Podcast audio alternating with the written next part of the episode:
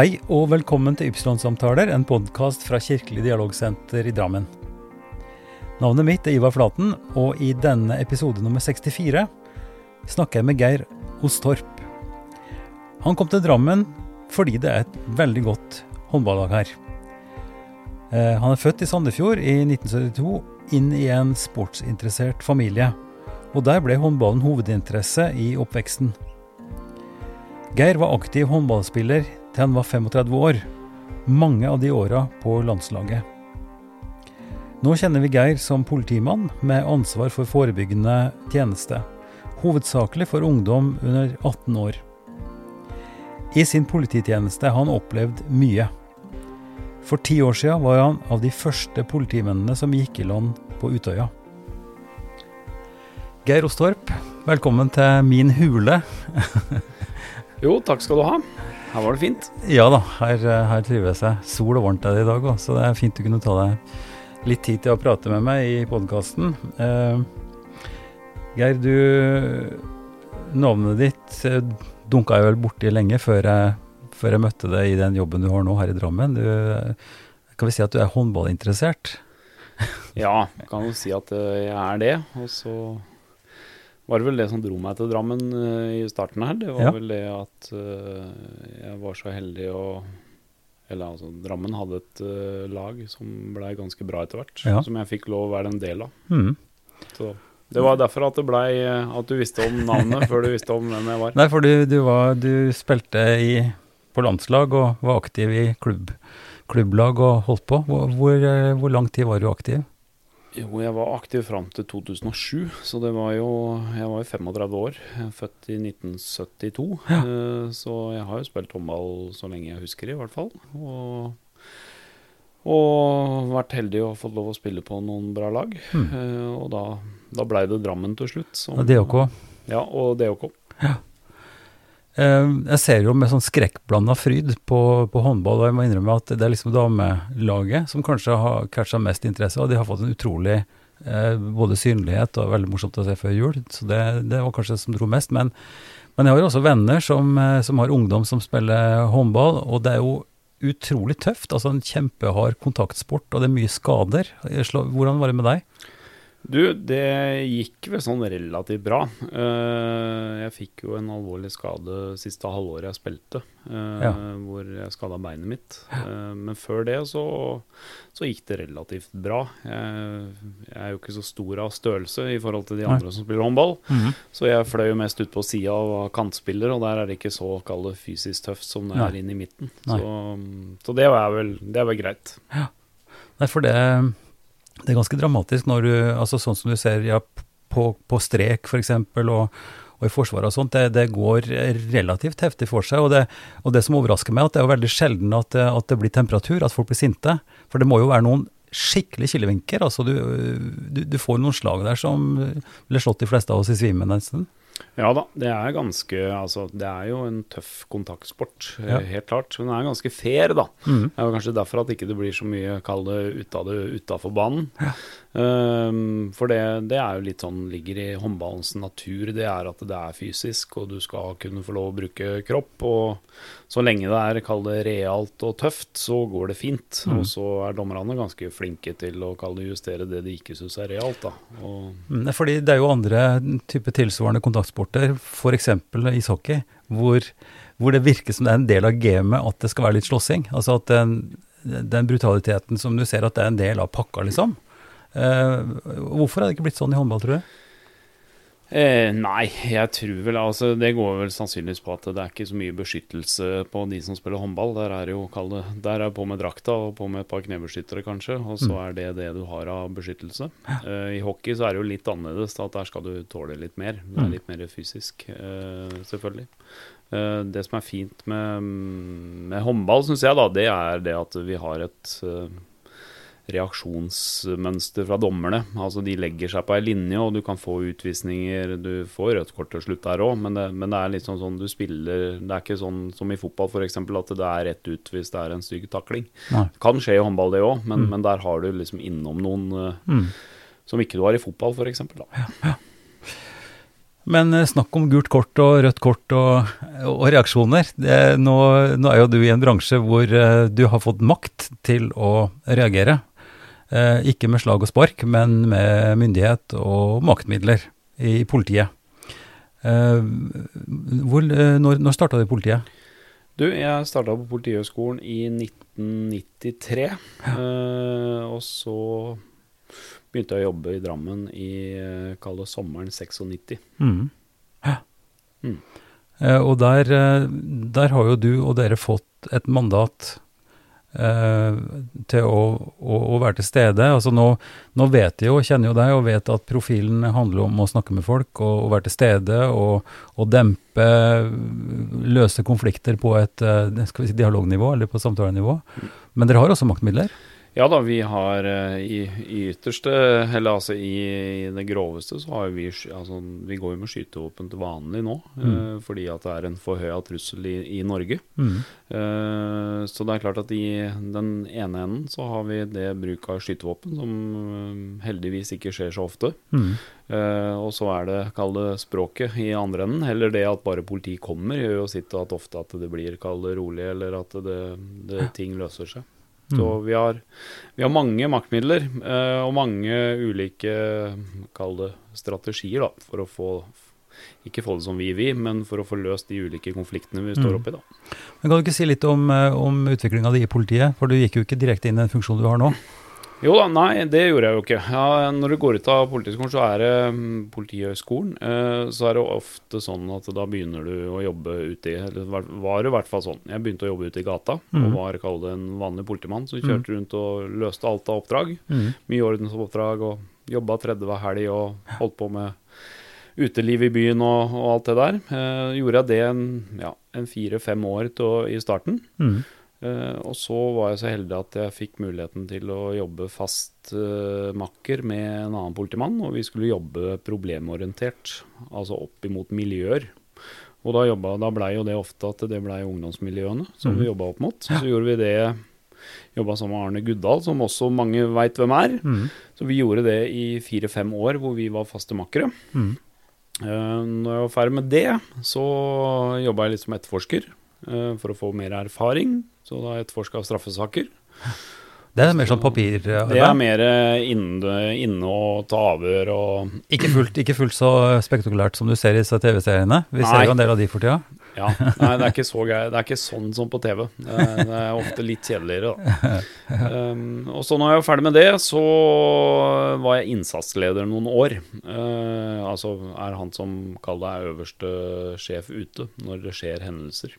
Mm. Um, og når jeg var, hadde gjort det, så har jeg fått den jobben som jeg har nå. Hvor jeg da jobber med, med barn og unge, og jobber for, på forebyggende seksjon. Mm. Innsatsleder, det høres jo ganske dramatisk ut. Altså det, det å være til stede og, og, og lede innsats. Eh, sette inn det som skal til og nødvendig osv. Si litt om Har du hatt noen sånne kall det dramatiske ting som du har lyst til å si litt om? Ja da, altså jeg er jo altså, er, Du har jo lyst til å være i Du har jo lyst til å oppleve litt òg når du er politi, da. Men mm. det er klart jeg har vært borti mange, kall det grove og fæle ting, selvfølgelig. Ja. Eh, men det har jo også gjort sitt at jeg har blitt den politimannen jeg har blitt òg. Mm. Um, det begynte vel egentlig at uh, allerede første året jeg var ute og jobba i politiet, så så gikk den bomba borti Konnerudgata. Det var vel ja, sommeren 97. Ja. Bandidos. Ja, eh, Bandidos, uh, Bandidos-kvartalet som var, lå i Konnerudgata, hvor mm. da dette klubbhuset blei bomba. Da jobba jeg jo og var førstemann på stedet der som mm. politimann. Og det er klart det var relativt uh, kaotisk og en hel bydel som, ja. uh, som var prega. Um, og så etter det så har jeg jo Altså, ja, jeg har vært på Utøya. Uh, ja. Tenkte du ikke si litt om det, kanskje ja. spesielt? For det, det, er jo noe som, uh, som, vi både bør tenke på og snakke om nå ti år etterpå. Men, uh, men det vet jo at det var en, en, en del av, som du, du sto i. Men, men, før vi går inn kanskje mer spesifikt på det, så kunne jeg godt tenke meg, sånn som jeg ofte spør da, i denne, i den podkastsamtalen, altså litt om den tidlige tida di? Altså rett, hvordan det var å vokse opp, hvordan du var som gutt, familien, eh, interesser og sånt noe da? Ja, altså jeg kommer, fra, kommer opprinnelig fra Sandefjord, mm. eh, hvor mora og faren min fortsatt bor. Eh, og vokste opp i et trygt og godt familie der. Hadde en lillebror eh, Mm. som, var fire år, eh, som var fire år yngre enn meg. Mm. Eh, så det var oss, oss fire, da. Mm. Eh, og i Sandefjord så var det veldig fint. Det var, jeg hadde en bestefar som var politi. Uh, Ja. Jeg tror kanskje det var der den interessen kom. Ja. Uh, han døde når jeg var veldig ung, men, eh, men jeg fikk høre hele tida fra bestemor historier fra hvordan bestefar hadde vært politi. Mm. Så det gjorde vel sitt at For jeg har egentlig trodd hele veien at jeg hadde lyst til å bli politi. Så det, Ja. et eller annet skjedde i hvert fall der.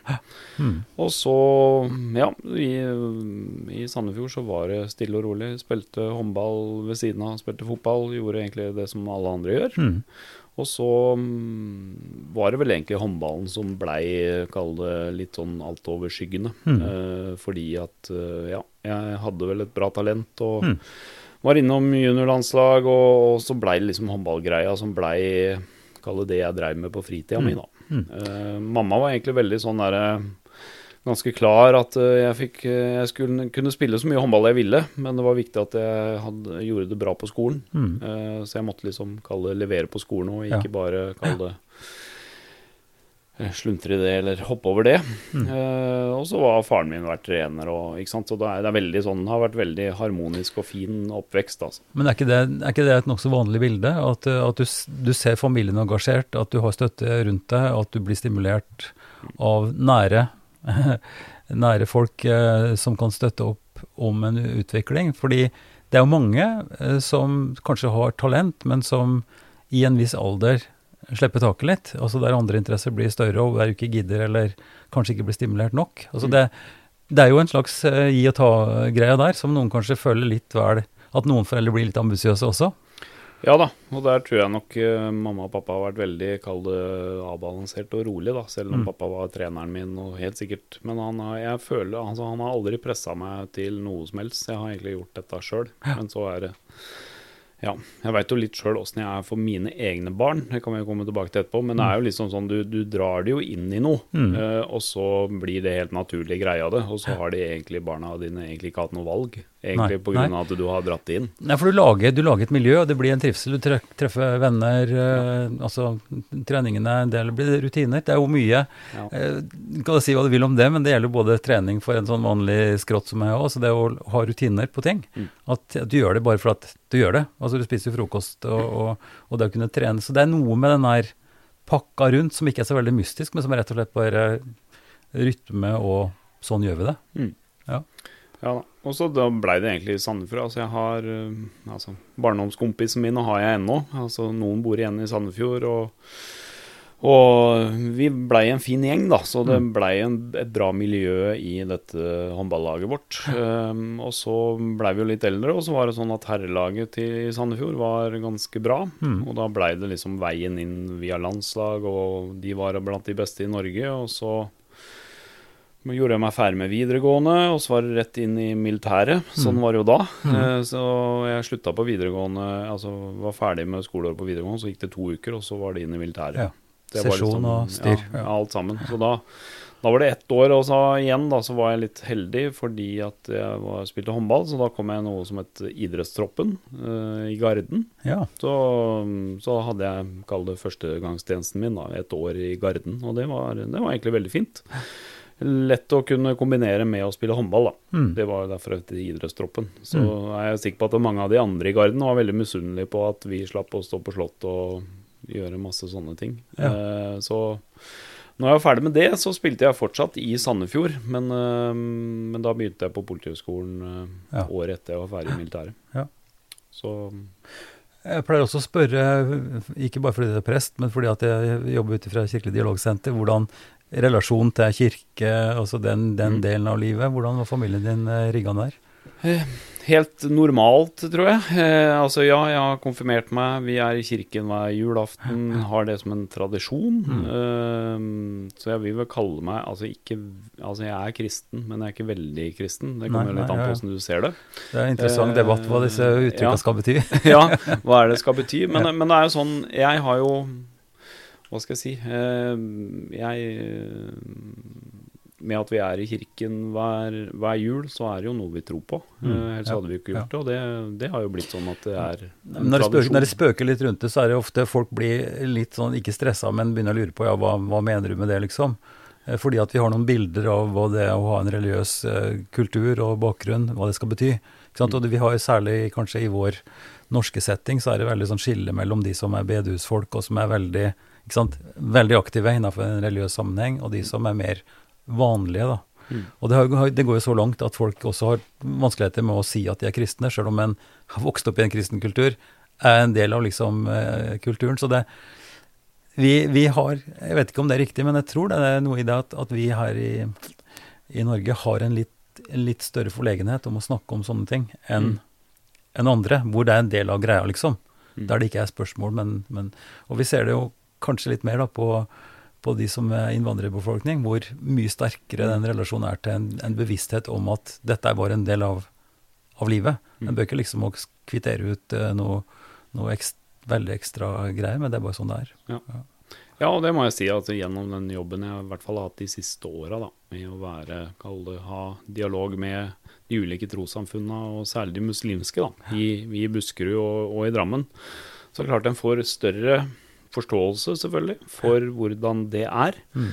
Eh, fordi det er jo mye av det her som går på at ikke en forstår mm. og ikke vet. Eh, så det har gjort Det syns jeg har vært fint med den jobben jeg har, da, med å få kalle enda større vidvinkel. Ja, ikke være ja, ja, og, og, jeg syns jo det er veldig Og det er jo som du sier, det er jo en For alle så er jo det akkurat som kristendommen er for alle det jeg har vokst opp med, så er, er det akkurat for andre ja. religioner. Ja. Så, det, så det, sånn er det jo bare. Det, det er noe av det samme. Altså sånn, eh, det, det, er en del av det en har vokst opp i, og en del av det naturlige. Eh, mens noen da vil liksom stresse veldig at, at eh, er du muslim, så er du veldig muslim, liksom. Og, og, da er det fem dager om, ganger om dagen, og det mm. Ikke sant? Mens realiteten er jo, hvis en tenker etter, at det, det, er jo forbløffende liten forskjell mellom en, skal vi si, en, en normal eh, kirketilknytta nordmann, eh, som da har, går når det er dåp, ikke sant, eller mm. vielser og begravelser og til jul, og en vanlig muslim. Mm. Og jeg tror det er ganske gjengs, altså sånn globalt, at en, at en har tradisjonene sine og forankringa, men at den ikke nødvendigvis er så utrolig gira på å skulle holde på med det hele tida, liksom. Nei. Sant? Men uh, jeg syns jo det, det, er også noe som er koblet dette punktet og den, dette temaet til politijobben. For uh, vi har jo den tragiske Manshaus-skytinga uh, mm. i Bærum. og da var det akkurat i forbindelse med en, en muslimsk høytid. Mm. Og den samme kvelden så ringte en fellesvenn av oss, Sajid Mukhtar, mm. til meg og lurte på om de kunne få flytte inn i kirka og ha seremonien sin der. Mm. Uh, og det gjør det jo fordi at vi har en, en, lang og god relasjon og har gjort sånt før. Mm. Men da var også politiet inkludert i det. Kan du ikke si litt om hvordan den kommunikasjonen går, og hva dere tenker på i en sånn sammenheng? Ja, hva skal jeg si. Altså, gjennom flere år så har vi hatt altså, dialogmøter med de ulike trossamfunna i, i, i, Drammen spesielt, da, siden mm. vi er, en, er den største byen i Buskerud. Mm. Um, så har det blitt veldig, veldig naturlig, og, og, gjennom den jobben jeg har, og gjennom altså, det vi holder fokus på For det er, det er, som du sier, det er jo lett at det, at det blir kall det, de muslimske trossamfunna blir sett på så de blir uglesett, da. Mm. Uh, så er det i hvert fall viktig å ha god dialog med dem, da. Mm. Uh, og det har vi, syns jeg vi har klart å få til. Og vi har jo dratt det enda videre med at vi ønsker å det, ha med flere enn bare mm. de muslimske trossamfunnene. Uh, og der diskuterer vi jo alt ifra altså Det er jo interessante temaer som vi prøver å få til hver gang vi har de møtene, da. Som mm. vi har tre-fire ganger i året. Mm. Uh, om det da er alt fra medlemsregistrering, som har vært litt sånn utfordring rundt omkring, hvor da mm. vi har hatt folk fra kall det nå, så ikke fylkesmann, da, men nå blir det uh, statsforvalteren, Statsforvalter, ja. uh, som har foredratt litt om hvordan det fungerer, opp imot å få støtte og få mm. medlemsregisteret på stell. Mm. Um, og så har vi hatt uh, Anneli Kierulf som har prata om mm. ytringsfrihet. Mm. Uh, for det er jo en Det er jo en Kall det en varm potet, uh, er vel lov å si. det er jo et eget kapittel. ja, det er jo et eget kapittel. Og, ja. og, og, det er jo litt sånne ting for å få Samt det at å komme i dialog med dem, da, for vi merker det at det er jo ikke det at ikke de ønsker å ha kontakt, men det har vært litt vanskelig. Om det er språkutfordringer, eller om det er altså satt det litt i system, da. Men jeg har òg en fantasi om at, at de kanskje, noen av de føler seg litt sånn skal vi si, ikke støtt, men syns at det er litt spesielt. At det er de som spesielt skal innkalles når det er snakk om terror, og, mm. som om det skulle være en eller annen type terroraffinitet da, i, i disse eh, forsamlingene. Så, ja. så, jeg kan skjønne at de blir stressa. Derfor er det utrolig spennende å se hva dere gjør. altså At det er et mm. mye bredere perspektiv. Mm. De blir ikke bare tromma sammen når det er et eller annet eh, du skal liksom peke fingeren eh, til Nei, det er ikke det. Nei. Så, nei, så det, det syns jeg vi har skal, Nå får jo noen andre vurdere det, men mm. jeg syns i hvert fall det er en fin, en, i hvert fall en fin møteplass da, uh, for de ulike. Og det, det, vi ser, altså effekten ved her, er jo at det er mye lettere å ta kontakt med mm. hverandre. Ja. Og det er jo også litt av hensikten her, altså med ting som ikke har noe med det her å gjøre, men mm. alt ifra om det er Altså Det er mange spørsmål vi får, da. Ja. Um, og at ikke det blir så fremmed at det er bare farlig, liksom. At mm. vi kan ta, ta, kontakt i fredstid òg. Og mm. det, det, tror jeg er viktig. Ja. Men den spesielle situasjonen, bare for å ta akkurat det der, den, den situasjonen i Fjell kirke når de skulle komme der, og, og dere, det sto en patruljebil nedfor der, og det sto også folk i nærheten. Altså Det var jo ikke fordi Jeg tror ikke det var fordi at de trodde at de kom til å bli angrepet, men det er et eller annet med den der følelsen av å bli sett da, og, og, og, og bli litt passa på. Som jeg tror er ganske viktig. altså På samme måte som du sa, når politiet går i gatene, så er det en type eh, følelse av at OK, mm. her, her, her, er det noen som ser etter oss. Ja. Og det, det, er nok altså for oss altså La oss kalle det for oss som er født og oppvokst i Norge, eh, så er nok eh, forholdet til politiet helt annerledes enn altså mennesker med innvandrerbakgrunn, som kommer fra helt andre mm, kulturer, mm, ja. hvor politi er noe helt annet enn hva politi i Norge er. Mm. Uh, så det er jo viktig for oss å kunne vise hvordan politiet i Norge opptrer, og hvordan altså samspill altså, det at vi skal være en støttespiller, da, ikke en eh, f.eks. Være, en, være en fiende, da, mm. som vi har opplevd, som, som, helt sikkert mange har opplevd der de kommer fra. Mm. Uh, og det er klart at det sliter jo vi altså Det er jo litt av greia. Vi skjønner at folk kanskje ikke stoler altfor mye på politiet når du da kommer fra et helt annet regime, da, mm. hvor da politiet er noe helt annet enn hva det er her. Så det, det tar litt tid å gjøre, og det, det merker vi med kontakten vi har med kall andre rundt i samfunnet vårt òg. Når vi da, om, om, det er noen som har gjort noe galt, eller og vi kommer hjem til de, så er det liksom Det er jo Altså, vi ønsker jo ikke å straffe med de jeg jobber med, da, som er ofte under 18 år så er jo ikke målet er jo ikke å straffe de, målet er jo å hjelpe de til å ta det rette valget. Mm. Fordi de har gjort et dårlig valg. Mm. Men, men, det er klart å få med deg familien på det at politiet skal komme hjem til deg, mm. så det, kan det ofte være litt sånn skrekkblanda fryd. Og så ser jeg jo etterpå at når vi har hatt praten og fram og mm. tilbake, så ser jeg at det her var ganske annerledes enn hva mm. vi hadde av forestillingen. Men vi, vi bør ikke gå så veldig langt. Vi kan gå bare over den store dammen uh, vestover og mm. se bruduljene rundt politiarbeid og altså utdanningsnivå, uh, reaksjonsmønstre, som, som, er forskrekkelige. Altså uh, den der I Can't Breed-saken med George Floyd og altså alt det som har rulla etterpå, mm. som, har, som, er tydelig Altså i USA også en helt annen polititradisjon og en helt annen måte å jobbe på. Så det er jo ikke nødvendigvis bare Eh, det som vi kanskje tenker på med, med land eh, i sør, sør, sørøst, altså det med, sant, med kanskje med korrupsjon og, og, at politiet liksom tar en køtt, mm. stopper folk for å få ja, ja. så, så, det, så, det, er jo et veldig stort bilde, så det er jo det er vel ganske relevant at en tenker på eh, hva er på en måte politiets hovedfunksjon. Mm. Og det, det, er kanskje greit å, å si litt om det også? Ja da, og det er jo at vi skal kalle det Vi skal jo hjelpe. Altså ja. Det er jo det det går på. Det, straffe er jo ikke greia. Altså, og særlig da du er yngre. Og så, så, tror jeg politiet skal også være altså Vi har jo hatt noen, kall det noen sorte får, vi også. Altså, ja, det er ikke mange, det er ikke mange månedene siden det, mm. for å si det sånn. Så vi, vi, jeg tror ikke vi skal være naive og tro at det her ikke skjer hos oss heller. At vi har, kall det noen som ikke ikke er i henhold til standarden. Mm. Uh, men, men, uh, men, jeg tror det er i hvert fall viktig å, å, å, opprette en god dialog og få de til å kalle det stole på oss. Da, og, og få mål, målet igjen, da, i hvert fall for de yngste. Det er å få de til å gjøre de rette valga. Mm. Uh, at du har stjålet i butikken eller at du har slått ned eller rana noen, så, så, er det en eller annen årsak bak det. Mm. Og det er klart at der ser vi jo at det, det, er ikke bare fordi at du hadde Altså, det, det, har med levekår, det har med hvor, mm. hvor, altså hvordan du har det hjemme. Altså det, er, det er mye større enn bare kall det handlinga. Ja. Altså Folk flest ser jo, ser jo deg og ser dere når dere er ute i, i patruljebil eller er synlig i uniform og sånt. Men eh, kan du si litt om hvordan dere planlegger, hvordan dere jobber? liksom? Hva, hva vil en sånn vanlig uke for eksempel, se ut for deg og for kollegene dine?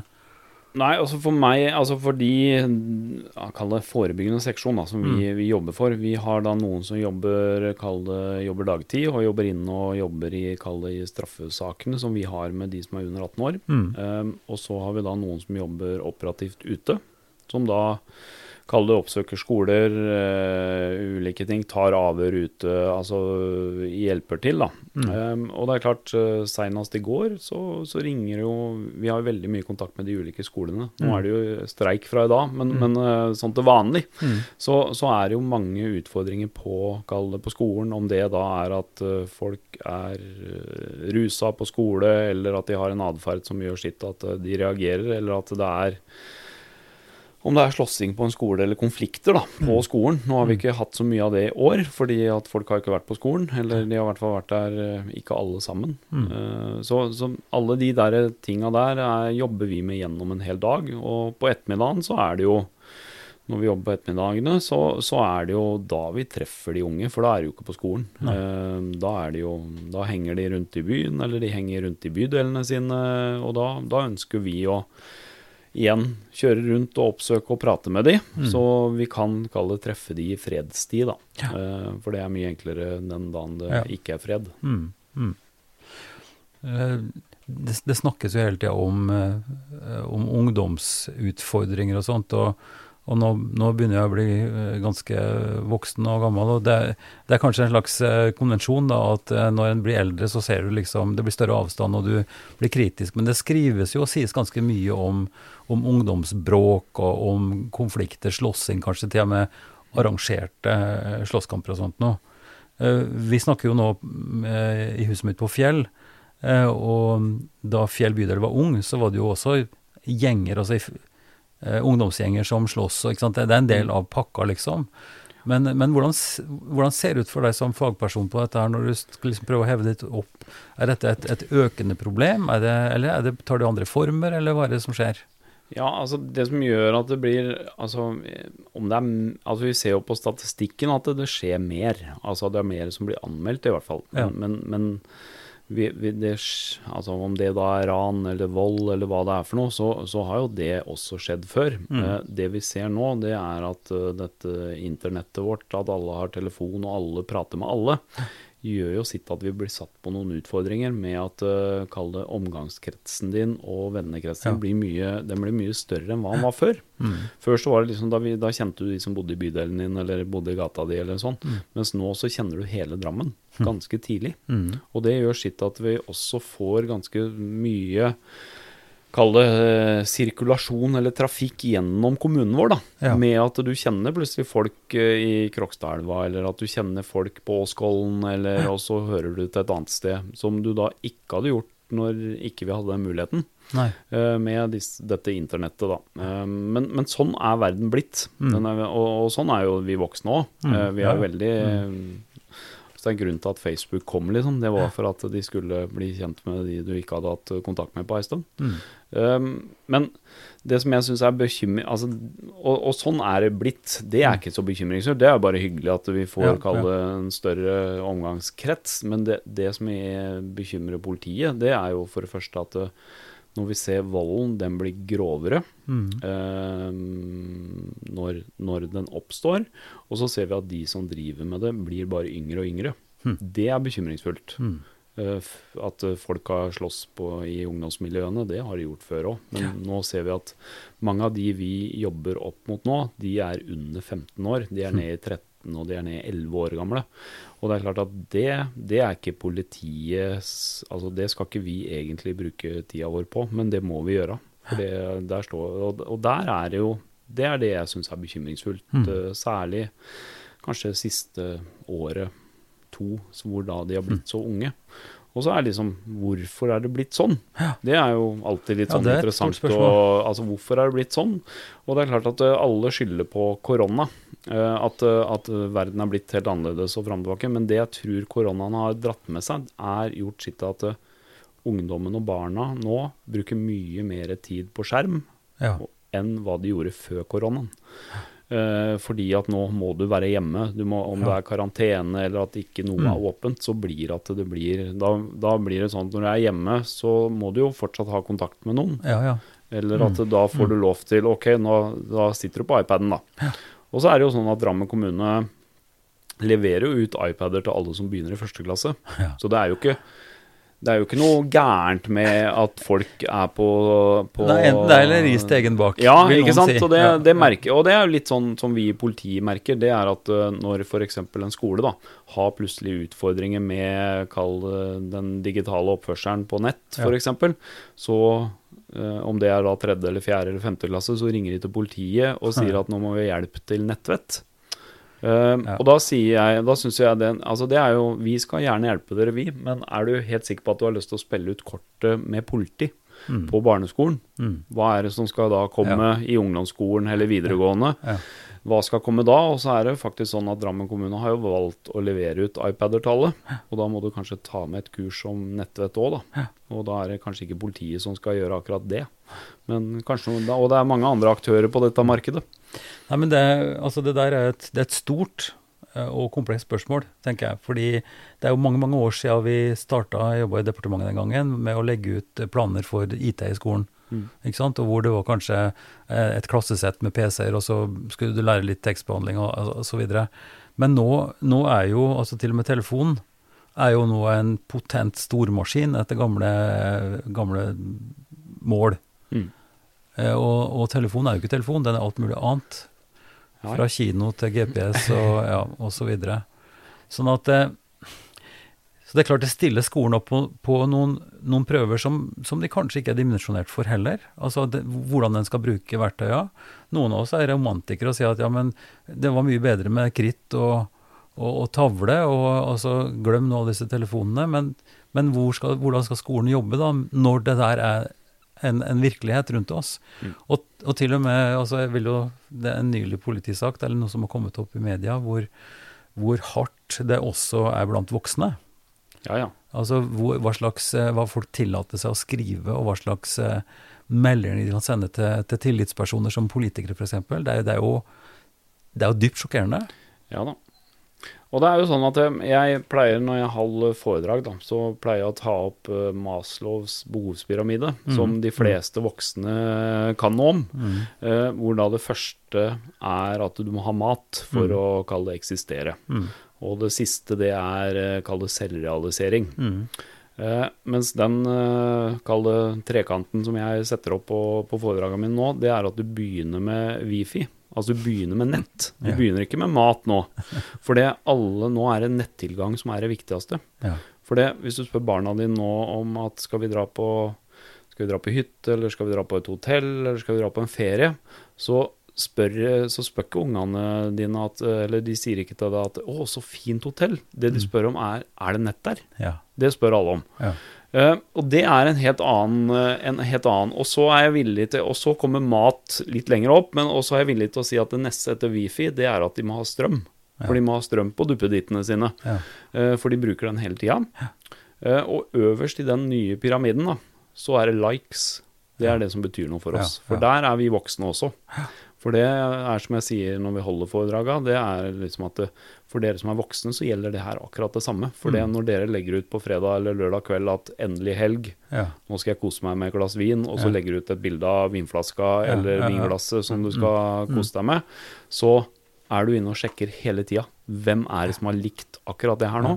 Så vi voksne, vi, vi, har jo blitt sånn, vi også. Men det der er jo resultat av ganske, ganske god psykologi og altså markedskrefter og firmaer som, som, nå også går eh, på en måte legger seg helt flate og sier at dette skulle vi aldri ha gjort. Mm. Altså du, du fikler med folks hjerner og dopaminproduksjon og sånn, som gjør at vi Altså, jeg har bl.a. sett en ut, fantastisk interessant fotoutstilling hvor, uh, hvor, folk sitter med Altså, det er tatt bilde av folk som sitter med mobiltelefon, men så har de tatt vekk telefonen.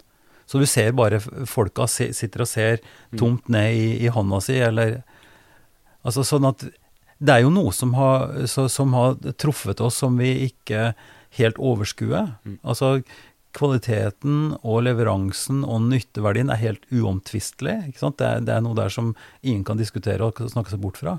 Men så gjør det samtidig Det har en slags backlog der. Det er en, en effekt av det mm. som vi ikke skjønner.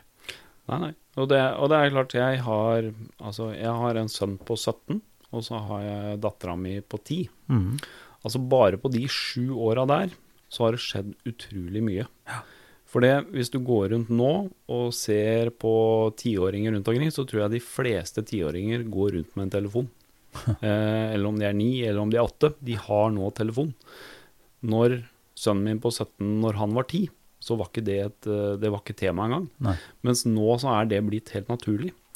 Og, og, det er klart at det, det, er en grunn til at mange av disse appene og alt sammen har aldersgrense. Mm. Eh, fordi at du er ikke klar for det. Eh, på alt det som skjer. Men vi ser jo det nå at også aldersgrenser blir jo utfordra til de grader, da. Med at den Hva skal jeg si? Jeg tror de som er ti i dag, eller om de er tolv, de veit mer nå enn hva en ti- eller en tolvåring gjorde for sju-åtte år siden. Mm. Um, og det, det, utfordrer oss på, på, Og det utfordrer særlig foreldra, som ja. da skal prøve å ha regler og ha, prøve å ha rammer hjemme. Én ja, ting er å vite, det andre er å føle og ha opplevd eller bli prega. Mm. Uh, i, altså Hvis du ser så, såpass mange år tilbake, altså 10-15 år tilbake, så var det jo spørsmål om voldsspill mm. ikke sant, på sånne terminaler hvor, hvor, unger fikk kjøpt eh, det ene eller det andre som var utrolig brutale ting. Mm. Eh, og så vi, har vi kanskje sagt nå at ja, ja, eh, det er spill. ikke sant, Det, det er actionspill, og det er, altså, så det er kanskje ikke så farlig. Men, men det er jo, og igjen da er det gammelmann som snakker, men det er en slags følelse av at ting går litt utfor. Altså at, det, mm. at, vi får utfordringer nå som vi ikke har hatt før.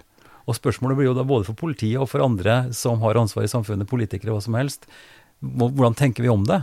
Og hva slags refleksjon eller hva slags tiltak har vi som samfunn for å mm. kunne klare å fungere videre på en, en presumptivt fornuftig måte, da, som ikke tar innersvingen på oss? Nei, og det er jo gode det, det er gode refleksjoner, det, da, Ivar. Eh, og det, og det, er klart at vi som i politiet, vi blir jo utfordra på akkurat de samme tinga vi på hva er det vi skal bruke tida vår på, da. Mm. Uh, vi hadde jo bl.a. i, i våres så var det jo en, en, en voldsom debatt rundt uh, kall det den nye rusreformen som skal mm. komme. Mm. Hvor da politiet var veldig ute og sa at uh, vi ønsker ikke sånn, og vi ønsker det sånn, og fram og tilbake. Og så og så ser vi at vi blir jo utfordra av ungdommen og av barna, mm. som sier at ja, men det her, det her, kan jeg begynne med, for det her kommer til å bli lovlig snart. Mm. Uh, rusreformen har aldri vært sånn at det skal bli lov å bruke narkotika for barn under 18, i hvert fall. Uh, det, har, det, har, aldri stått. Det skal fortsatt være ulovlig. Mm. Uh, og det tror jeg er lurt, uh, selvfølgelig. Men, men, du ser liksom at debatten sporer litt av, da. Og så mm. blir det sånn at politiske partier plutselig går til valg på at vi går for legalisering. Altså, vi blir utfordra nå på ting som før har vært ganske fastsatt mm. og bestemte. Og så blir vi nå utfordra på at nå skal ting opp. Og da er det klart at ungdommen, de, eh, de, eh, går ikke så mye i dybden. De går Altså, hva er det jeg får høre her? Mm. Jo, nå er det legalisering. Da går de for det. Uh, og det er klart at det, jeg tror det var lurt at det ikke ble vet, Altså at en rusreform er velkommen, det er ikke noe tvil om. For det er mye, det er mye der som skal bli mye bedre. Mm. Men jeg tror det var lurt at kanskje han ble sendt tilbake for å se litt mer bl.a. på hva, vi, hva, tenker vi om de unge, da? Mm. Og, og, ikke for det, for det, debatten som du har sett i media ofte, det er jo det at eh, det er den Kall det den slitne narkomane som du mm. ser ja, går rundt ja. på torvet, liksom. At politiet liksom flyr etter de. Eh, men, men, det er jo ikke det det her handler om. Det her handler jo om alle de andre også. Mm. Uh, og særlig da de unge, som vi har vært veldig engstelige for. da. Mm. Uh, så det er som du sier, vi blir, vi blir utfordra akkurat som på TV-spill eller på uh, duppeditter og, og aldersgrenser. Så, ja. så, blir vi kjørt litt nå, altså. Ja. Vi blir det, og det er et felles, det er mitt poeng, da, at dette er felles, en felles utfordring. Mm. Det er ikke noe som vi må rope på politiet for, men vi må skjerpe oss. Det, det, det, er jo det her med ansvar, muligheten og ansvaret. Altså det som ligger som, som tilbud og, og, vår etterspørsel, eller vår måte å, å mm. venne oss til ting på. Som òg er en utfordring, tenker jeg. At vi Eh, og, og da, En kan jo reflektere både filosofisk og teologisk om det, men altså når du har valgmuligheten, og når du som individ har det tilbudet som, som ikke bare ligger der, men som også blir stimulert, og som blir markedsført, og som blir pusha. Mm. Uh, og det kan være alt ifra en av mine laster, som er potetgull og peanøtter på kvelden, som er fullstendig bak mål, ikke sant? Mm. men som er mitt helseproblem. Uh, men det finnes altså tilsvarende ting hvor altså blir, du konsumerer for mye av underholdningsting, eller ikke sant, bli sittende i stolen heller enn å være ute. Altså alle de tinga som er en del av det valget du gjør. Og hvor en Og jeg vet ikke om vi vil tilbake. Jeg tror ikke vi vil tilbake. liksom Der konvensjonen og det sosiale presset er så stort at hvis du gjør sånn, så blir du outa, liksom, eller, eller får tyn. Ikke sant. Så det, det er en balanse mellom det vi som samfunn gir som regel, og sier at bare sånn er det. Mm. Eh, glem det. Du får eh, trøbbel hvis ikke du gjør det. Mm. Eh, sånn som Strømsø kirke, som ble bygd i 1600-tallet, for 900, for da bodde 900 der. Forutsetningen var at da folk gikk til kirka mm. på søndag. Eh, men de reglene er ikke der lenger. Så, så dere og altså vi som samfunn, og du, og du, som politi, dere som politi, skal da balansere hensynet til den enkeltes rettigheter og, mm. og, og, legitime krav til livet, mm. samtidig som det skal begrenses inn mot både det skadelige, det kriminelle og samfunnshensynet. Da. Ja. Så det er jo en, er jo en skikkelig oppgave. Det, det er sånn sett du sitter i. Ja da, og det er jo litt sånn der, derfor jeg syns det er ålreit å også jobbe med kall det barn og unge, da, de som er under 18, for der er det faktisk mulig å gjøre en forskjell. Altså Når du blir eldre, mm. så, så, er det liksom sånn det blei, da. Mm. Men det er så mange gode, kall det om det er tiltak, eller om det er mulighet til å få dratt deg ut av det, da, heller velge noe annet, den er så mye større hvis du er under 18 år enn du er f.eks. over 18. Ja. I Drammen kommune så er det jo sånn at du får ganske god hjelp fram til i hvert fall du er 23, da. Mm. Men, men, når du er under 18, så, så, Og det er klart, tilbake til narkotika, så er det jo sånn at vi ønsker jo Altså Politiet vi ønsker jo ikke å ta altså Hvis du blir tatt for bruk av narkotika og du er 15, 15, år gammel, så er det jo ikke sånn at du får med deg en bot hjem og du må betale straff. Vi ønsker jo å hjelpe deg til å kalle det ikke begynne med narkotika, eller, mm. Eller altså gjøre de tinga der, da. For, det, for det, det er jo åpenbart at jeg tror ikke det er lurt å bruke narkotika når du er, eh, ikke er ferdig utvokst. Altså Jeg kan si at jeg tror ikke det er lurt å bruke narkotika når du er voksen heller, mm. men i hvert fall ikke når du er i puberteten og du er mm. i utviklinga di, for da, mm. da, det, da messer du såpass mye med hjernen din at du, det kan bli skjebnesvangert. Mm. Så, så, sånn sett så, så, er jo jeg glad for at, uh, kall det og, Altså, vi straffer De kan føle at de får en straff, men poenget er at det, det blir jo mm. satt inn et tiltak på at ok, så må du avgi urinprøver en, mm. en viss periode, mm. så du kanskje gjør de rette valgene dine.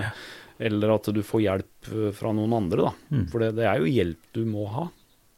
Så, så det er, det er Nei, sånne ting som jeg syns er ålreit. Det, det, er et stort felt, og, og, sånn sett er det jo en slags eh, skal vi si likhet, eller det er et mandat, det er et arbeid med og for folk, for å hjelpe folk som der institusjonene kan være ganske like, sånn som det som skjer i kirka og i frivilligheten, handler jo også om å motivere folk for å ha et godt liv og drive med ting som er byggende for både seg sjøl og samfunnet. Og, mm. og, det er jo litt eh, den oppgava dere i politiet også har, særlig den delen din. Men jeg har lyst til å gå over til et mer dramatisk og, og, og dystert kapittel når, når, det virkelig tipper over for folk. Altså når en eh, går seg fast i både vrangforestillinger og, og konspirasjoner og, begynner å å leve etter det. Altså trusselvurdering rundt, mm. rundt terror, rett og slett, som, eh, som, da er spesielt aktuelt nå, når vi tenker tilbake på, på 22.07. Du hadde mm. jo en sterk personlig møte med det. Jeg vet ikke hva vi vil si om det, men ja, du kan nei, si litt om det, det og så litt hva du tenker nå, hva vi står overfor nå. Ja. Nei, hva skal jeg si. Altså, jeg jobba jo den fredagen. Ja. Uh, for ti, ja, nå blir det ti år sia. Uh, eh, jeg var jo på vanlig jobb uh, og skulle egentlig gå hjem klokka halv seks. Hadde jobba fredag på dagen med kalde vaktlaget mitt. Mm. og så skjedde det først i Oslo, mm. hvor det egentlig blei beslutta at ikke vi skulle gjøre så mye i Drammen. Altså sånn, mm. Det var ikke så mye som kom. Men så er det klart at når da alle disse nødtelefonene fra Utøya de de kom jo inn på operasjonssentralen som da var ved Drammen politistasjon, eller mm. i Drammen politihus, mm. som gjorde sitt at det blei egentlig veldig nært. da, uh, Hvor vi da fikk beskjed at dere må dra til, dere må dra til Hønefoss. Mm. Um, og for vi som var på jobb, vi visste jo da ikke hvor Utøya var. Det var ikke vi hadde ikke en smarttelefon med et fint kart som bare sa at det var der det var. Vi, vi hadde, Jeg har hørt om Utøya, men jeg visste jo ikke hvor det var. Vi visste at det lå, oppi, det lå i Tyrifjorden. Noe mer enn det visste vi jo ikke. Mm. Så da blei det i hvert fall beslutta at vi skulle dra oppover og, og hjelpe til der oppe. Var, altså det var mange utfordringer da, bl.a. samband var en utfordring, å komme i kontakt med hverandre. Mm. Eh, fordi i Søndre Buskerud, da, som det heter da, der vi jobba, så gikk vi på digitalt samband. Mens da i Nordre Buskerud, som Hønefoss og Utøya er, der var det ennå ikke lagt om til digitalt samband. Så det gjorde sitt at alt blei egentlig veldig ble sånn vanskelig å få kontakt med hverandre. Mm. Men vi, vi, kom oss i hvert fall oppover, og, og, når vi kommer da til Altså vi fikk jo egentlig beskjed vi skulle kjøre til politihuset i Hønefoss. Eh, men vi skjønte at det kan vi jo ikke gjøre, her må vi dra rett til Utøya. Så da, da kjørte vi jo dit. Og da, da, da må jeg jo si altså det som, det som, møtte oss da, det var jo veldig voldsomt. Med en kolonne av ambulanser som sto og ikke torde å kjøre inn. Fordi de hadde ikke fått noe beskjed ennå, så de sto egentlig bare oppe på veien og venta på at politiet skulle kalles til at det var greit at de kom. Uh, mens vi da kommer kjørende ned der, så ser vi jo mange som kommer da gående opp fra kaia, da, uh, fra Utøyakaia og går opp til veien. Fordi som, at, som da har svømt over og kommet seg over. Det var jo da vi dukka opp, siden vi hadde kjørt fra, kjørt fra Drammen. Det tar jo litt tid. Ja. Um, og, så blir vi, og så blir vi dirigert bort til en kai. Uh, og der kommer det noen båter som vi egentlig bare kaster oss på, og så må vi ut der. Um, og da er vi jo da er vi jo fem stykker fra Drammen som drar utover der sammen med noen fra beredskapstroppen. Um, og igjen litt sånn utfordrende med samband. Vi ja. hørte, visste liksom ikke så mye, men vi har jo skjønt det etterpå, da, eller og fått det forklart, at uh, i det vi er på vei utover, så blir han pågrepet. Ja. Um, så når vi går i land der, så så er jo han pågrepet, men greia var at det var jo ingen som visste om det var én eller to, nei, eller om nei. det var tre. Uh, eller fire, for den saks skyld. Om det var mange som fløy rundt Hva slags sikkerhetsutstyr og våpen og sånn? Nei, Vi hadde på oss alt av sikkerhetsutstyr, ja. for vi, vi, hørte jo hva ja. som hadde skjedd der oppe. Så vi ja. hadde på oss alt fra hjelm til, til alt dette uh, sikkerhetsutstyret som vi har på oss når det er en mm. så skarp situasjon. da. Så da, når vi kjører denne båten utover, så er jeg da Og da er det jo liksom sånn der Da ramler jo jeg sammen med Arne Guddal, som jeg har jobba sammen med i mange år. Så vi er i samme båt. Så når vi da drar utover, eh, så er det to andre båter òg, hvor resten er med. Og så kommer vi utover, og da ser jo vi plutselig rett ved fotballbanen der, det er jo et sånt skjær, mm. Eh, hvor vi ser egentlig veldig masse mennesker. Uh, hvor jeg sier at uh, det vi skulle egentlig dra til kaia, altså, som er rett mm. foran Utøya, det mm. svære hvite huset. Eller ikke svære, men huset med de røde, røde bokstavene på. Så sier jeg til Arne at vi kan ikke dra dit, vi må inn der og hjelpe de menneskene vi ser.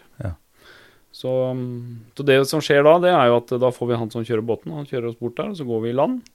Uh, og da er det jo som å gå inn i en, kall det en krigsfilm. Ja. fordi alle de menneskene vi har sett, de er jo skutt. Eh, det er ingen av de som og, og døde. Og de er jo døde. Det ligger folk i vann som er døde. Og det, det er jo det er bare fælt. Eh, men da, som politimann, eller som Altså, da går du inn i en sånn derre rolle. Ja, så du, på, mm, du ja. tenker ikke så mye over det. Men da, da, står vi jo Da står jeg midt ute i vannet der og kaller, ser om det er noe liv. Og så sjekker vi alle der, og så er det jo ikke noe liv i det hele tatt. Um, og så begynner vi da å flytte oss litt innover på øya, og da kommer det plutselig en kar løpende. Og vi igjen, vi har jo ikke peiling på om det er det gjerningsmann. Er det, hvem er dette her? Ja. Og han hadde veldig Ja, han hadde litt sånn rar atferd, og det er ikke så rart, for han var jo i sjokk. Ja. Um, kaster av seg T-skjorta si, han blir jo anropt av oss, uh, og så pågriper vi han. For ja. vi visste jo ikke hvem han var. Uh, og så sier jo han, uh, når vi kommer bort der, så sier jo han at jeg leter etter søstrene mine. Ja. Uh, og så er han jo veldig i sjokk. Ja. så det som skjer da, det er at vi tar med oss denne gutten da, tar vi med oss da over fotballbanen og så bort til kaia, da, der vi skulle møte. Mm. Og så tenker ikke vi noe mer over. Da blir han tatt over av noen andre, og så er jo ikke det gjerningsmann, selvfølgelig. Det har vi jo skjønt etterpå, så han så, så, sånn er det. Og så begynner vi å søke gjennom øya. Og det er klart, det, det, var, det, var, en tøff, det var en tøff ettermiddag på jobb, det. altså. For da, da måtte dere ta høyde for at det kunne være eh, terrorister enda. Mm. For øya var ikke klarert på det tidspunktet. Nei, altså øh, Han var jo pågrepet, øh, men vi visste jo ikke noe mer. Og da begynte vi å søke gjennom øya, da. Så da begynte vi å Da fikk vi Da var det en fra beredskapstroppen, og så var det oss Altså det var jo flere politifolk der. Mm. Men, men, da begynte vi å søke gjennom Så begynte vi å liksom gå Søke gjennom hele øya. Uh, og det er klart at det var, det var, det var som jeg sier, det var en tøff ettermiddag ja. uh, på jobb med at Uti der så fant vi jo mange overlevende som mm. hadde gjemt seg rundt omkring. Mm. Som mm. da kalte blei med i rekka vår når vi da gikk videre. For de skjønte da at dere var ordentlige politifolk? Ja, de skjønte jo det. Og det er klart at når vi sier at hei, ta det rolig, vi er politi, så er det klart at det skjønner jo etterpå at det var kanskje ikke så lurt. da, Når han som hadde vært der eh, rett før oss, han var jo iført politiuniform, han også. Um, så det er klart at det var mange som var skeptiske. Men det, det skjønte vi jo. Mm. Eh, men da blei det sånn at eh, da blei de, de, som vi fant uti der, da, de blei med i rekka. Og så kom vi halvveis inn på øya der, egentlig, og da kom vi til den uh, teltplassen. Hvor vi da hadde med oss folk bak, masse ungdom. samt at da hørte jeg noe nede i, ned i skauen. Hørte at det var et eller annet, så da gikk jeg ned i skauen, og der fant vi ei jente da, som hadde gjemt seg. Um, og det blei jo litt spesielt, for da hun var jo også veldig skeptisk. Når, Hei, ta det rolig, det er politi, liksom. Uh, skjønner jo at det ikke var så bra. Men uh, da tok jeg meg hjelmen, og så satte jeg henne ved siden av og så sa jeg er det noe vi kan hjelpe deg med. Og da sier hun, da Hanne heter hun her, da. Mm. Uh, så sier, sier, Hanne at hun lurte på om, om vi hadde funnet broren hennes, for det, broren var på øya. Mm. Gunnar etter han. Mm. Uh, og da Nei, men ja, for telefonen min har gått i stykker. For det regna jo den ettermiddagen, så hun hadde ligget ute der, og så hadde telefonen gått i stykker. Så da fikk hun låne telefonen min. Så ringte hun først til broren sin, Gunnar, og han tok ikke telefonen. Og så ringte han til foreldrene sine, men de tok heller ikke telefonen. Uh, og så blei egentlig Og så sa jeg ja, men nå skal du få lov å bli med oss. Ja. Uh, og så blei hun med i rekka. Mm. Um, det som skjer da, det er jo det at da skal vi begynne å gå gjennom teltplassen. Uh, og da etter telt nummer to eller tre så finner vi jo plutselig en gutt som er skutt, men han lever. Og da blir det litt sånn Da blir det litt uh, hurra meg rundt med at uh, da blir det bandasje, og så må vi få han, mm. få han til land mm. av at han lever. Ja. Så da klarer vi å komme ned til, ned til vannet. Uh, da velger vi å stoppe med det å gå gjennom teltplassen. Går vi tilbake igjen, så går vi ned til vannet. Uh, Med hele gjengen sammen? Hele gjengen sammen. Så da er det politi først, og så har vi, har vi, denne gutten på Denne gutten på en, kall det en båre, da, som vi har laga sjøl. Mm. Uh, på en presenning. Og så har vi da dette, denne rekka bak oss. Så går vi ned til vannet, og der er det to båter som holder på rundt der. Og så får vi den ene båten inn, da. Og da mens vi holder på å legge den, denne gutten da, om bord, så kommer jo de andre forbi og skal gå til den andre båten. Og da ser jo denne Hanne da, da ser hun at det er jo broren hennes som ligger, som vi holder på med. Uh, uten at hun sier det til oss, uh, men uh, det har vi fått høre etterpå. Så det som skjer da, det er jo at alle de her blir, drar, drar inn til land, og så tenker ikke vi noe mer på det. Og så søker vi gjennom resten av øya, og så også utpå kvelden her så har vi litt pause, og da ringer telefonen min. Og så ser jeg at det er et ukjent nummer, og så, og så uh, Hei, det er Geir Rostorp. Og så sier da Og da er det pappaen til Hanne. Han heter Roald Linnaker, heter han. Mm. Han er feltprest i mm, ja, ja. Han er feltprest i Nord-Norge. Mm. Nå er han vel, jobber med Han var i hvert fall det. Um, og så sier han pga. at jeg er den jeg er, er du han håndballspilleren? For han var interessert i håndball. Ja. Og så blei det liksom en sånn der greie at uh, da han visste hvem jeg var. Og så sier jeg ja, det er meg. Og så sier han du, det er ringt det nummer her. Um, har du sønnen eller dattera mi i nærheten av det? Og da sier jeg det at da er helt sikkert dattera di som, uh, mm. som, som, jeg vet er um, Hun er kall det frakta i land. Mm. Ja, veit du noe om sønnen min? Og så sier jeg nei, det vet jeg ikke. Nei. Og det som skjer da, det er jo at de, han Roald og kona, de rekker faktisk å ta siste fly da, fra mm. Nord-Norge og mm. ned til Oslo uh, den kvelden. For da kommer de i kontakt med, da de i kontakt med Hanne, da. Mm. Fordi hun mm. ringer litt, uh, litt seinere når de er på flyplassen. Og så sier hun det at uh, jeg er der, og jeg har sett at Gunnar er hardt skadd, og jeg har sett at han er frakta i land. Mm. Så da, det som skjer da når de kommer ned på, når de kommer til Oslo eh, på kvelden her, det er at hele familien får tatt uh, treffer da Gunnar. Da mm. jo, men han dør samme natta. Ja, på, sykehuset. Ja, på ja. sykehuset. Mm. Så det gjør jo sitt at den blir jo veldig spesiell, den kalde historien ja, oppe. Altså. Det var mye fælt som skjedde, men det ble veldig sånn personlig, akkurat den greia der. Så mm. I ettertid så har jo vi eh, Altså, vi har treffet familien, mm. treffet, traff de i Drammen. Og så er det sånn at det blir en, en, et julekort hver kveld altså på jul, og, og det blir litt sånn, sånn spesielt, da. Eh, det, det, er jo en, eh, på alle måter en grusom og forferdelig ting, så vi skal ikke snakke noe mer om det. Men, men jeg tenker litt på hvordan dere som, som jobba i det, hva slags debrifing og oppfølging har du og dere fått i etterkant for å kunne takle dette her og jobbe videre? Altså Jeg kjenner jo den rollen, ja. for sånn er det jo med prester òg. Ja. Altså vi har en rolle, og da er det ikke Ivar som står i det, og det er ikke mitt eh, Men vi er jo likevel en del av det, mm. i rollen. Ja, ja. Nei, altså, det som, altså vi var jo Vi var på Utøya vi fram til klokka ni dagen etterpå. Mm. Altså, vi, og da blei vi, kall det, avløst, for da kom det andre folk til sted. Uh, og da når vi kjører tilbake til, uh, til Drammen da, og til politihuset, når vi kommer inn da, så står ledelsen og venter på oss når vi kommer inn. Uh, og så blir det Altså da, da, kommer den def, defusing og debrifing, og da kommer det i gang. Ja. Så det gjør vi egentlig før vi går hjem. Ja. Uh, og så slapp vi å dra på jobb igjen. Ja. Uh, og så hadde vi en ny runde på søndag. Mm. Uh, hvor vi igjen prata litt sammen, og så ble det egentlig ivaretatt veldig. Så det, det syns jeg har vært veldig bra. Mm. Og de som vi hadde både i grupper, og de som ønska å ha individuelle samtaler, hadde muligheten til det. da. Så så det har vært um, det har en fin oppfølging på akkurat de tinga. Og nå så jeg nettopp, eh, jf. den politirespons og beredskap og sånn, at det nå er åpna endelig og er i gang i et beredskapssenter som er etablert ja. i Oslo. Det tok ti år, men eh, det, så, det var jo litt sånn demonstrasjon på, på Dagsrevyen, så jeg. Ja da, og det er klart at det, det kom jo veldig mye Altså Altså, det kommer mye kritikk i ettertid mm. det, med at ikke vi var klare. Akkurat som det har kommet mye kritikk med det vi står i akkurat nå. Ja, ja. At kalle mm. dette her var vi ikke klare for. Ja. Um, og, så, og, så, kan jeg forstå mye av kritikken som kom. Uh, fordi at alle de som mista noen de kjente, eller mm.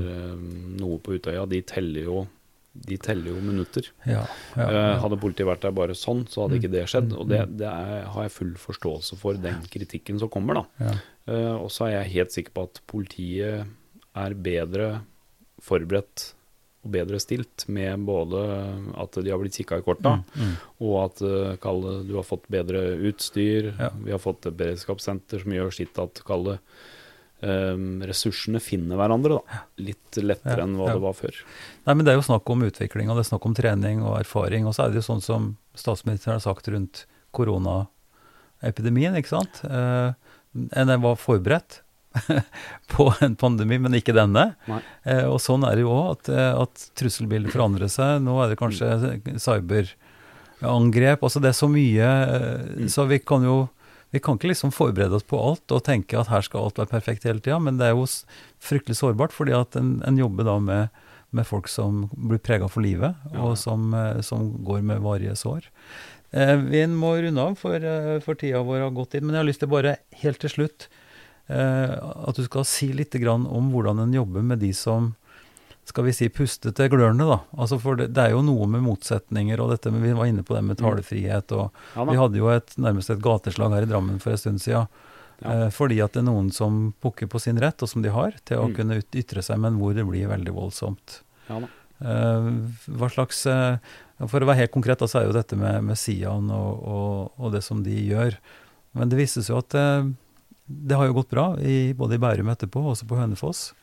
Så det, det, dette er noe som vi også jobber sammen om, tenker jeg. Ja da. Um, nei, hva skal jeg si. Noen ganger så er det ulempe med å være først ut en sesong. Ja. Altså første kampen i en sesong pleier å bli Den, den blir veldig rar. Sånn, sånn var det i håndball òg, sånn, kanskje? Sånn er det i håndball òg. uh, men, men, i hvert fall det som skjedde i Drammen da 10. april, da, uh, med at det var kall det sesongåpning for, eh, for Sian og det arrangementet der. Um, gjorde jo sitt at uh, politiet også blei Altså, vi blei nok tatt Det var mye politifolk til stede, mm. veldig mye. Uh, men måten de var organisert på, var ikke optimalt. Det, det er nok det er, det er, gjort store omveltninger på det i et, etter Drammen, for mm. å si det sånn. Mm. Uh, og så er det klart at den intensjonen publikum hadde med å komme til Drammen, det var jo det at her skulle vi, det bli et gateslagsmål. Mm. For det um, Når første egget går idet Sian setter på uh, lydanlegget sitt, ja. så er det jo egentlig det samme hva de sier. For det intensjonen til de som var der, det var at her skal vi gjøre mest mulig uh, ugagn. Uh, og her skal vi kaste Og, og da, utar, da, da utarta det seg til å bli et gateslagsmål til slutt. Mm. Og den derre massesuggesjonen gruppementaliteten, gruppedynamikken som var rundt på torvet der, den var ikke noe hyggelig å være en del av. Uh, og kjenne på kroppen. Uh, for der Det har vi jo sett i ettertid, når vi da har vært rundt og prata med mange av de som var der, mm. hvor da de sier at de ble egentlig bare revet med. Uh, de har liksom ikke noe Altså, det blei to timers lovløse tilstander i mm. Drammen by, mm. hvor det var egentlig det samme hva som skjedde på andre sida, bare de ikke fikk gjøre egentlig det de ville.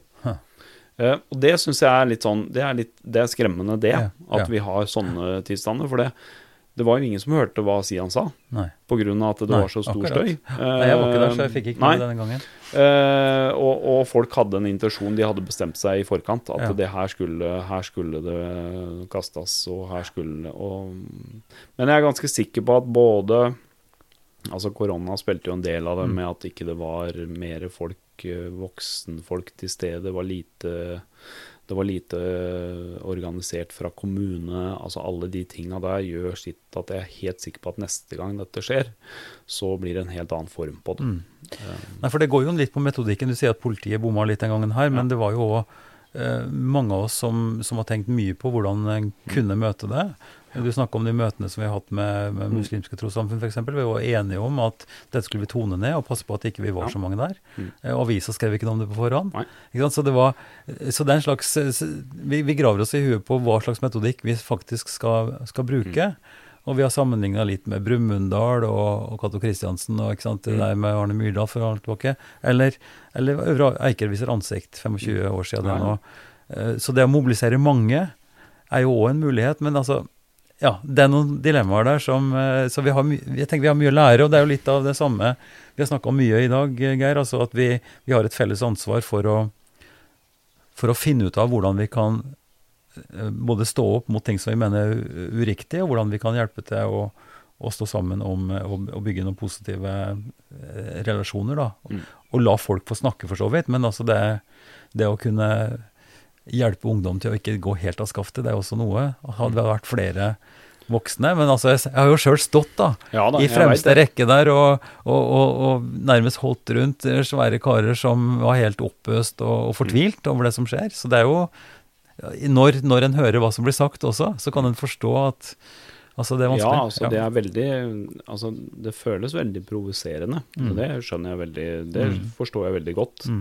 Um, men jeg er jo helt sikker på altså, altså, Skal de her få lov å sette retning for en hel by? Mm. Det syns jeg er en Altså, det er jo en annen diskusjon. Altså, mm. ja, vi har ytringsfriheten, den er sånn og sånn. Mm. Men det er jo godt at noen har begynt å se på det også, da. Ja. For det er jeg helt sikker på at uh, ja, Grunnloven den ble lagd for noen år siden. Mm. Jeg tror ikke poenget med ytringsfriheten var akkurat det vi opplever nå, da. Med hvordan Sian uh, i dette tilfellet da, utnytter mm. det eller ikke utnytter det. Mm. Jeg tror ikke det var meninga når de skrev Grunnloven i, for, for noen, noen, år siden. Uh, så, så, det skal bli spennende å se på hvordan vi går videre. Og så utfordrer jo kommunen. Mm. Altså Det utfordrer jo Drammen kommune på mm. hvor er vi ønsker å ha ting i byen vår. Altså ja, vi skal ha, vi skal ha åpenhet og vi skal ha handlingsrom, vi. Mm. Men, men, er det liksom skal vi, skal vi ha det på, på torva våre, eller skal mm. vi finne et annet sted? Eller hva, hva, gjør kommunen med det, da? Det utfordrer kommunen, og så utfordrer det òg de si, organisasjonene. Kirke, trossamfunn, innvandrerorganisasjoner. Mm. Alle som jobber hardt hver dag for å, for å gjøre Drammen til et attraktivt sted, og, og, som vi er stolte av. Så det er klart det å, å bli overfalt på den måten, og der, der liksom en får en slags bilde av Drammen som et sånn no go-sone, og mm. eh, ja, alt det der som, som blir på en måte resultatet da, av sånne gateslag. Det etterlater jo et fortvilende inntrykk som er fullstendig feil. Altså mm. som, eh, som jeg tror de fleste som tenker etter, ser eh, eh, er feil. Men ja, nei, altså vi har brukt tida vår, Geir. Det, ja. Vi kunne snakka om veldig mye annet. Eh, du er jo TV-kommentator på håndball, og du driver med, sikkert med trening og mye annet sånt også, som vi kunne snakka om, men det ble ikke noe nå. Så jeg ønsker deg bare fint. lykke til med en kjempeviktig jobb, og håper at du får en fin sommer. Takk skal du ha. I like måte. Tusen takk for at du lyttet til Ypsilon-samtalene. Mer informasjon om eh, samtalene og hva vi holder på med, det finner du på ypsilonsamtaler.no. Der er det en kort presentasjon av samtalepartnerne og lenke til episodene. Det er veldig fint om du abonnerer på Ypsilon-samtaler i podkastappen din, og anbefaler oss gjerne til vennene dine. Vi er veldig glad for tilbakemelding og forslag som du kan sende til, til meg til Ivar krøllalfa kirkeligdialogsenter.no. Denne podkasten er støtta av Drammen kommune, Barne- og familiedepartementet og Einar Juels legat. Ansvarlig utgiver er Kirkelig dialogsenter i Drammen ved daglig leder Ivar Flaten.